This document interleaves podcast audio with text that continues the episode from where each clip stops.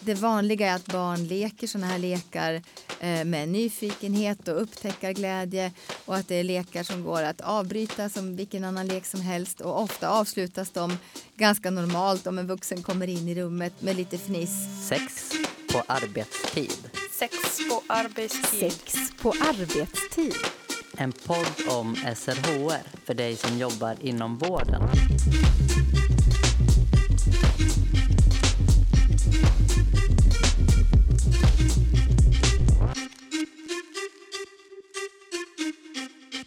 Hur kom bebisen in i magen? Vad betyder kåt? Varför har du skägg på snippan? Att barn har en sexualitet, det är de flesta överens om. Men alla vet inte hur man ska förhålla sig till barns frågor och utforskande.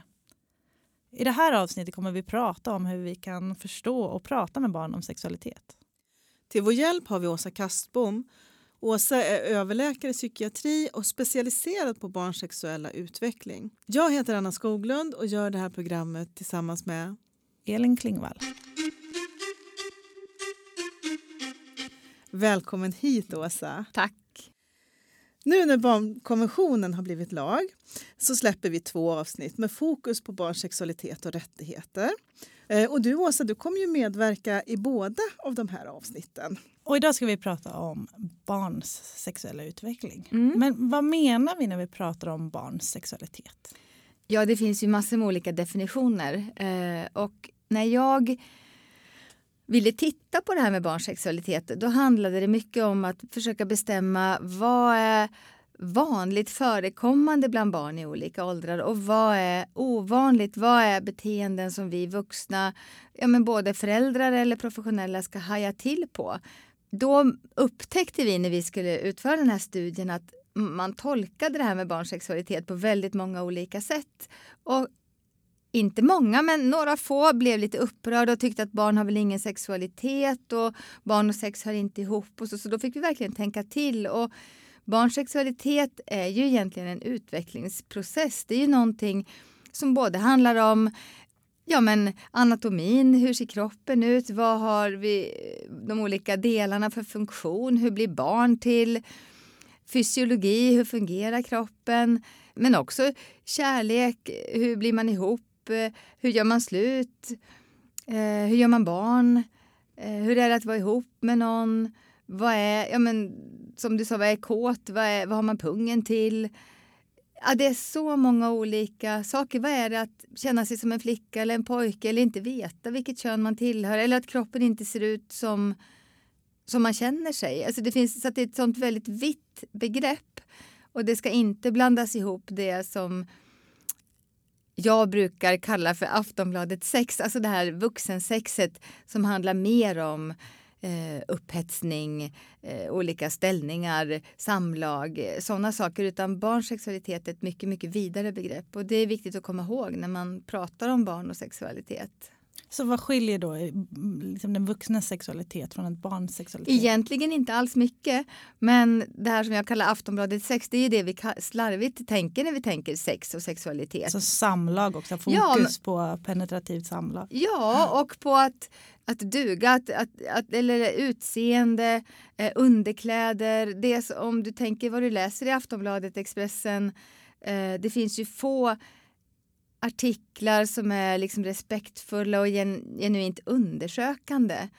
Um, för egentligen är det ju ingen skillnad. Sexualiteten har man ju med sig från det att man föds tills man dör. Men den beskrivs på olika sätt och jag tycker att ofta är fokus väldigt, väldigt, yt, det är väldigt ytligt. Men då får jag passa på att fråga, vad gör det med barns sexualitet? Den här sexualiserade bilden som, och de bilderna vi får då från Aftonbladet, Expressen. Åh, det är en jättestor fråga. Jag tror att det, att det påverkar barn jättemycket på olika sätt. Och sen, sen ser det olika ut i olika familjer. Alltså, allt, alltså ett barns sexualitet beror ju på när man lever, i vilken tid och i vilket land, i vilken kultur, i vilken religion. Vilka kompisar du har, vilka föräldrar du har. Hur är attityderna i din skola, i ditt fotbollslag, i din kyrka? Alltså det spelar ju jättestor roll var man befinner sig. Och barn påverkas ju av det de ser och hör och hur de lever. Och jag tänker att bilder och texter som barn utsätts för i alla tider har påverkat dem på olika sätt.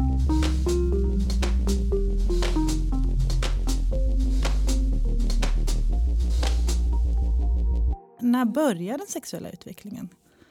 Alldeles från början. Alltså jag tänker att den börjar egentligen redan i fosterstadiet när det, när det bestäms vilka yttre könskaraktäristika du får eller och sen när du kommer ut och, och sen hur du... För ofta så definieras man som person redan som nyfödd utifrån eh, det tilldelade eh, juridiska könet. Eh, och du får ett, ett visst bemötande, kanske redan på BB beroende på eh, om du har en snopp eller snippa helt enkelt.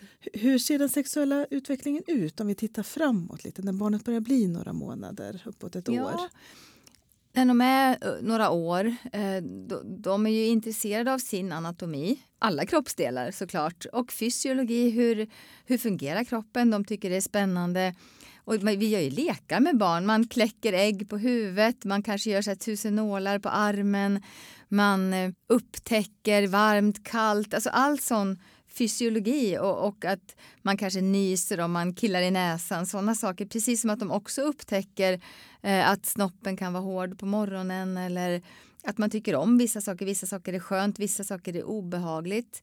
Eh, och det lilla barnet är ju ganska ohämmat i att utforska sig själv, att titta och ta på sig själv, men också på andra.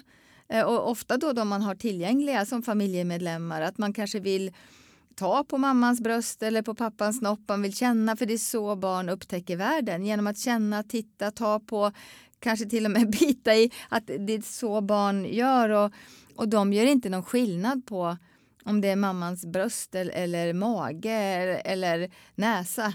Eh, så att de, barn är ju ganska ohämmade i ett, två, tre års åldern. Sen blir de ju mera det man brukar säga socialiserade och man lär sig eh, gränser, integritet, vad man kan göra, vad man inte gör. Eh, och det lilla barnet är ju också nyfiket och ja, men tittar på kompisar och de brukar också ganska så, om de är tre, fyra år, börja dela in i ja, men hur ser killar ut, hur ser tjejer ut? Ni vet om det brukar vara en fas när man är sådär ja, det är tjejfärg, killfärg, eh, killleksaker, pojkleksaker och i samma veva brukar de ju också beskriva hur anatomin eh, skiljer sig. Men de brukar också vara intresserade av hur barn blir till. Eh, därför att de kanske ser, eh, det kommer bebisar, det föds barn i deras omgivning, vilket leder till frågor. Man kanske ser gravida kvinnor på simhallen. Där brukar de ju också liksom upptäcka sig själva, visa sig nakna, eh, kanske vilja se andra nakna, ta på sig själva eh, ganska offentligt. Medan när de blir äldre sen så gör de det ju mer i enrum. För att de har lärt sig det? Eller hur ja, förstår man att man ska göra det i enrum och inte offentligt? Jo, men alltså det, det, det lär vi är ju ganska snabba att lära barn, särskilt flickor om man ska liksom så blir vi ofta mer, vuxenvärlden blir ofta mer upprörd om en flicka visar eh, sitt kön, kanske på badstranden eller för andra så blir de vuxna ofta mer oroade och bekymrade. Vad tror du det handlar om? Tror du det handlar om att vi också förhåller oss i någon form av övergreppsvärld där man säger, tror att flickor är mer utsatta då? Om man är naken på stranden? Eller kan, vad kanske det om? både det men också liksom att det är mer gulligt om en pojke visar snoppen eh, och, och det, vi tycker att det är jobbigare om en flicka visar. Och samma sak när barn, om barn onanerar. Vilket barn kan lära sig tidigt, det kan de lära sig av en slump. Att de Eh, märker att det, att det är mysigt att gnugga eller duscha eh, på snippan eller snoppen då blir vuxenvärlden generellt mer oroad om det är en flicka som onanerar offentligt eller, eller som är upptagen av onanien om en pojke är det. Men det, det, det, är en vanlig fråga vi får. Både från förskola, föräldrar, professionella kring, kring barns onani. Och där brukar det också vara en viss eh, könsskillnad faktiskt. Att man blir mer oroad när flickor eh, upptäcker sig själva på det sättet. När man uppmärksammar att barn kanske onanerar mm. Vad, vad, vad, kan man ge för råd till vuxna? Hur ska vuxna prata eller hjälpa barnet? Eller hjälpa barnet med sin, sin socialisering mm. ska jag säga. Ja. Nej, men det viktiga tycker jag är, när man, vi får ju ofta frågor då från förskolepersonal som är bekymrade, ibland föräldrar också. Och då tycker jag att det första man måste fundera över, hur har barnet det? Många blir väldigt oroliga. Åh, kan det handla om övergrepp? Vad har det här barnet varit med om? Och, så. och då är det väldigt viktigt att veta att det finns inget beteende eh, hos ett barn som är lika med övergrepp. Eh, utan ett barn kan ha upptäckt onani av en slump. Och onanin ger ju en, en ganska snabb eh, väg att ändra sin sinnesstämning. Så det man behöver fundera över är ju om barnet nu tvångsmässigt onanerar på, på förskolan eller hemma. Då behöver man ju fundera, gör barnet det på grund av att barnet försöker ändra sin sinnesstämning? Är det ett barn som är oroligt eller är det ett barn som är uttråkat eller ensamt eller eh, ångestladdat? Och att det är därför, så att först måste man ju fundera över hur har barnet det? Mm. Men om det är för övrigt ett glatt och, och ett barn eh, som har upptäckt det här och, och eh, Eh, tycker att det är mysigt, då måste man ju också lära barnet för att barnet inte ska göra bort sig. Att det här gör man, det är inget fel. Eh, men vi kan inte göra det vid matbordet eller vid samling. Precis som vi lärde om bordsskick och, och ordningsregler för övrigt som man har i ett hem. Eh, men att man inte fördömer det på något sätt.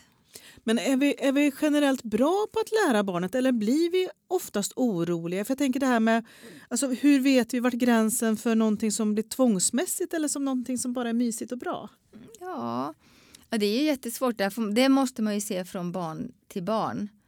Eh, och oftast om det blir tvångsmässigt så har det ju en anledning och då kanske det är ett barn som inte mår så bra som använder det här som en utväg att må lite bättre, att tänka på något annat, att slippa oro genom att försätta sig i ett annat tillstånd, en annan sinnesstämning.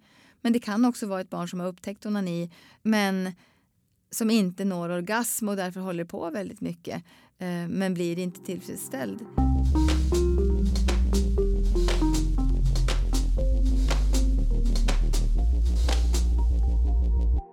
När är det läge att börja prata med barn om sexualitet? Då? Är det, kan man börja så tidigt som i ett tvåårsåldern när man börjar utveckla språket? Ja, men då måste man ju först definiera vad menar jag med sexualitet. Och om, om jag menar ju bland annat anatomi och fysiologi och ja, ja, då tycker jag att man absolut kan börja när barnet är ett, två år genom att man till exempel lär barnet kroppsdelarnas namn. Vi är ju väldigt noga med andra kroppsdelar ögonfransar, ögonbryn, örsnibb, armhåla. Men vi, vi är inte alls lika noggranna utan vi är jättestolta att vi har namnet Snippa. Liksom.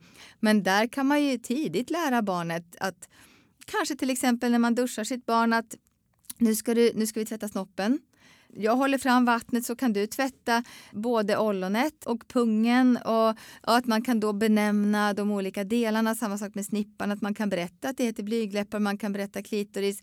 Men att man också säger att men du får tvätta själv. Det kan både killa, det kan vara obehagligt, men det är din snopp, det är din snippa, så du styr strålen eller du styr vattnet.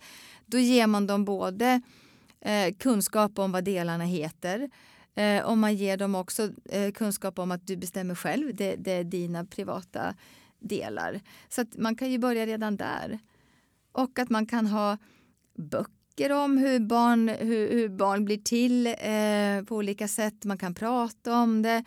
Eh, sen måste man ju utgå ifrån sig själv. För ibland får jag frågan, måste jag berätta allt om mig själv? Nej, det måste man ju verkligen inte ja, man, behöver inte, man behöver inte låta barnet ta på en om man inte vill. För då visar man också att var och en har rätt till sin integritet. Om man inte är bekväm med att barnet tar på en eller vill prova att suga på brösten för att lilla, lilla barnet gör det. Om man inte är bekväm, då har man också rätt att säga nej.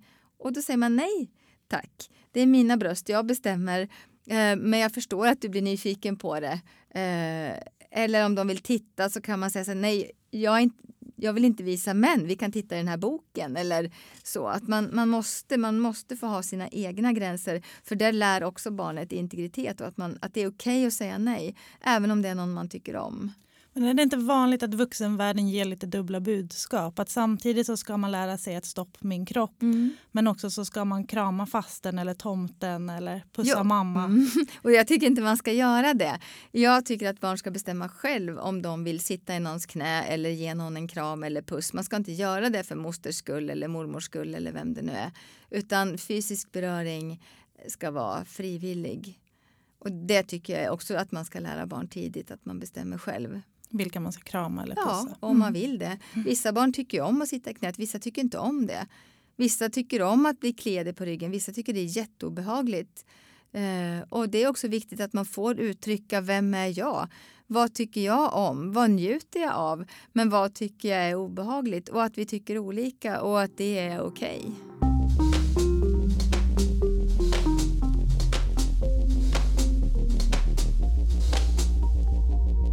Jag tänker när man jobbar mm, mm, inom hälso och sjukvården och jobbar med barn så, så, så möter man precis som du många föräldrar som kanske har frågor.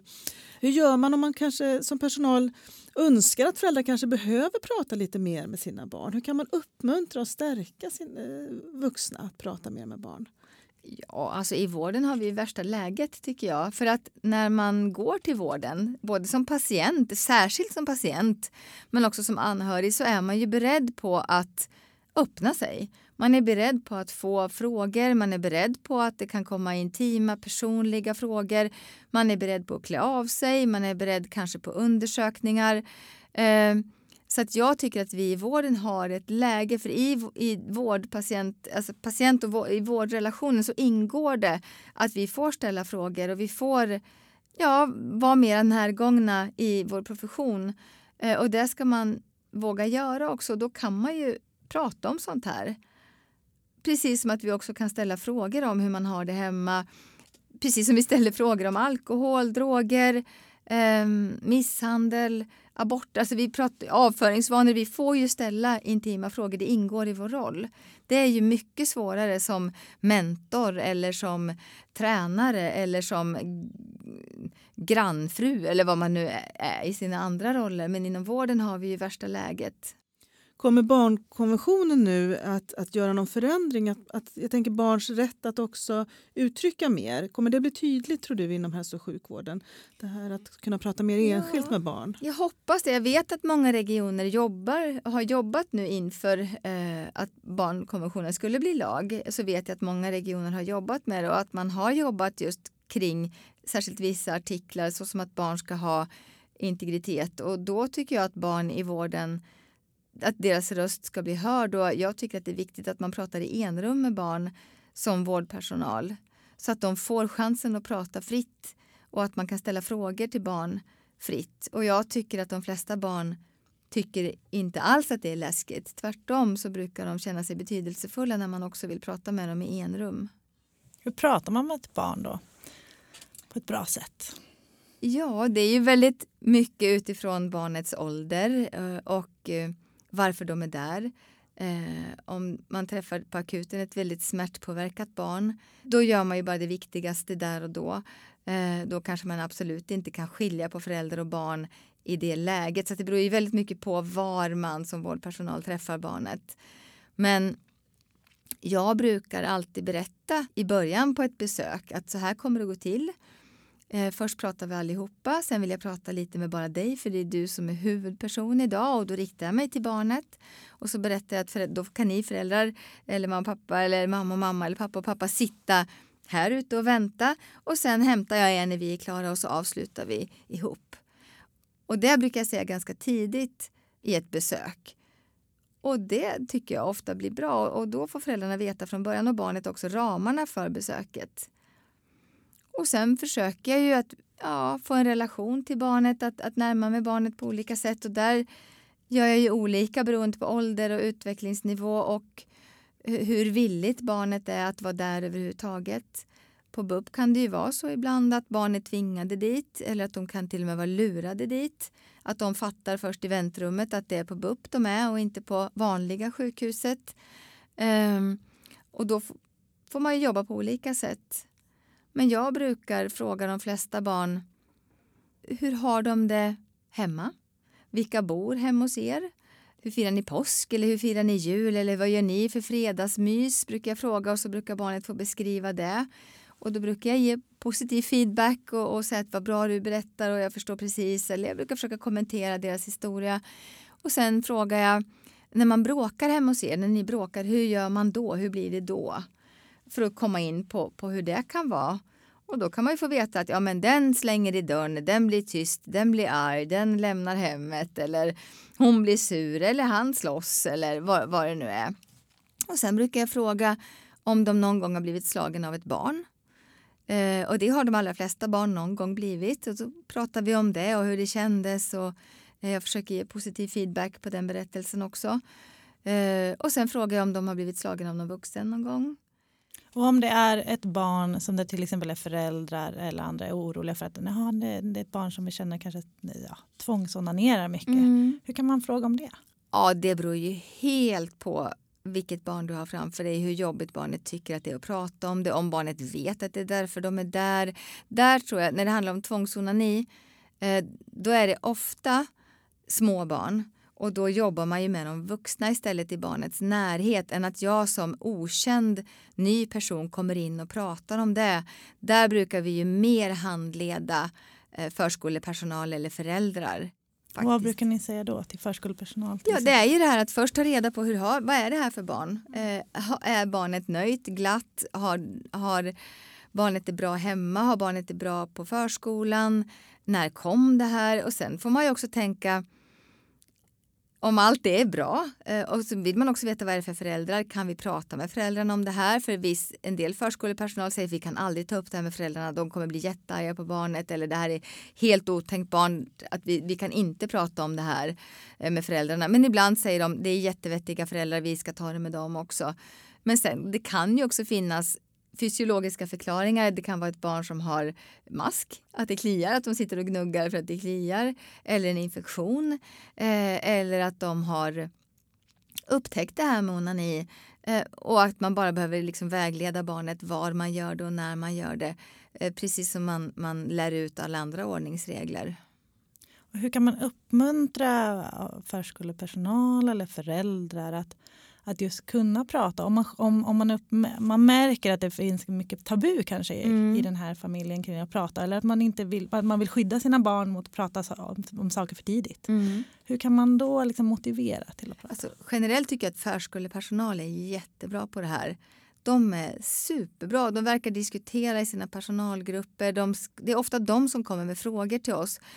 Jag tycker inte att de hör av sig lika mycket från skolan. Men det kan också vara så att man på skolan inte ser lika mycket för då har barnet blivit mer socialiserat och visar det inte öppet på samma sätt. Så att det kan bero på det också. Men eh, det viktigaste är väl att var och en, både i sin profession och som förälder då, eller som privatperson, funderar över vad har jag för normer, vad har jag för värderingar? För ofta är det ju det som styr egentligen. Det är inte så många som har kunskap i vad är vanligt, vad är ovanligt, vad är liksom varningssignaler, utan de allra flesta går ju på sina egna värderingar. Vad tycker jag är normalt? Vad tycker jag är onormalt? Vad tycker jag är hälsosamt? Vad är ohälsosamt? Vad...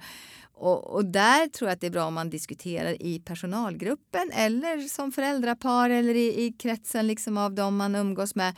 Vad tycker vi? Och vad är egentligen våra, våra värderingar och vad är, vad är kunskap? Att man liksom också faktiskt utforskar sig själv lite, vad man står för och vad man tycker är okej och inte okej. Okay.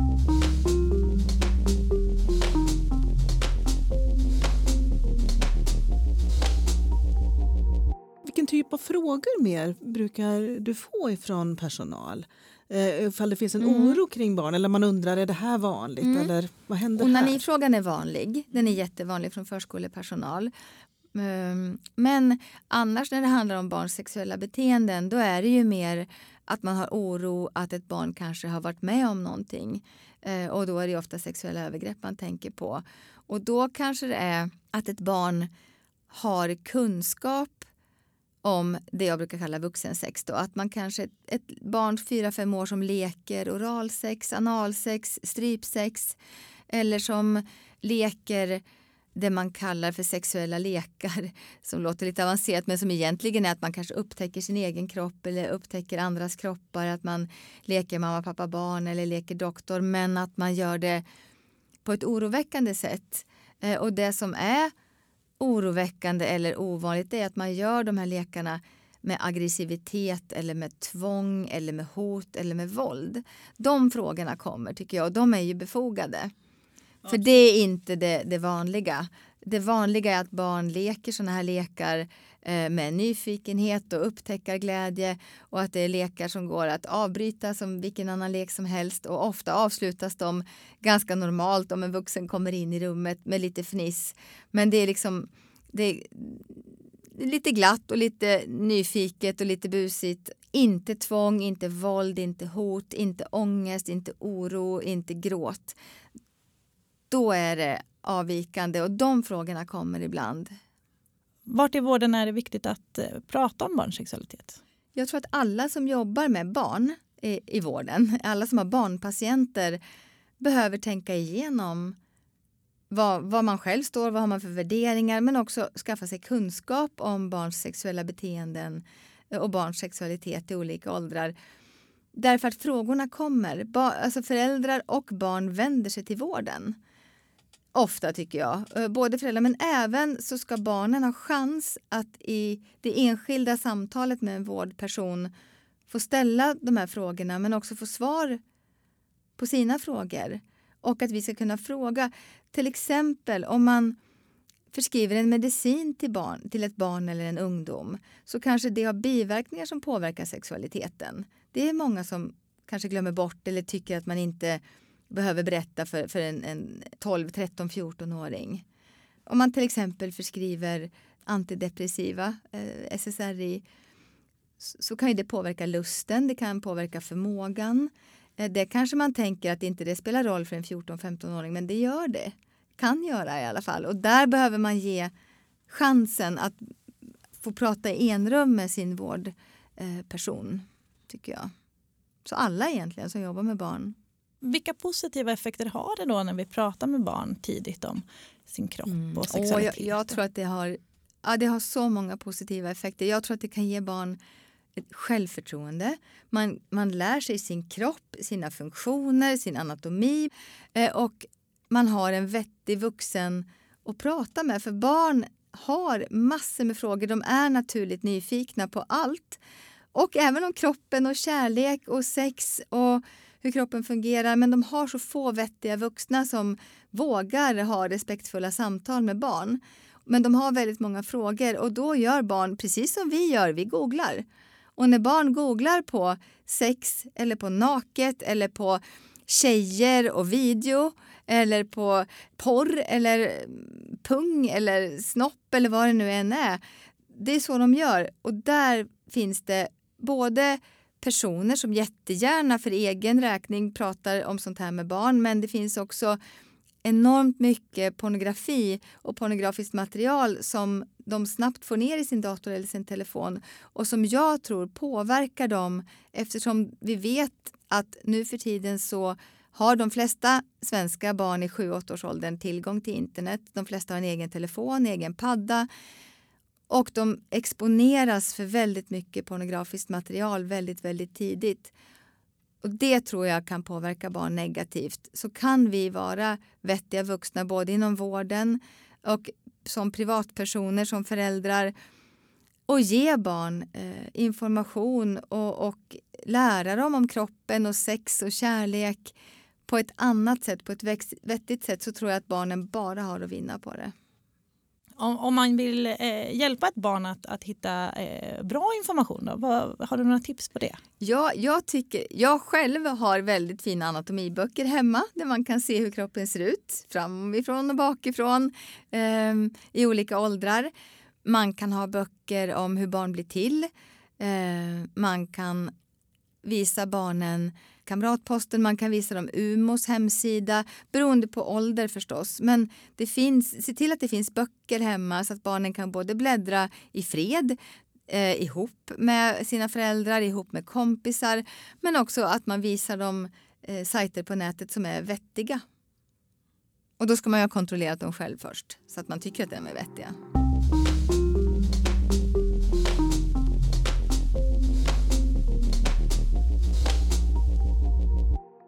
Vi brukar avsluta våra eh, avsnitt med att be vår gäst om tre tips. Och vi är ju nyfikna, Åsa, att höra vad du har med dig Mm. för tre tips idag. Ja, jag har tre.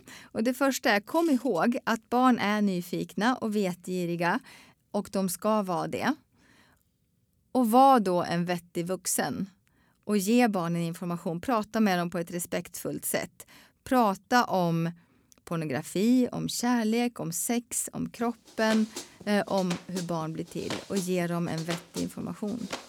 Tusen tack Åsa för att du har varit med oss idag. Tack!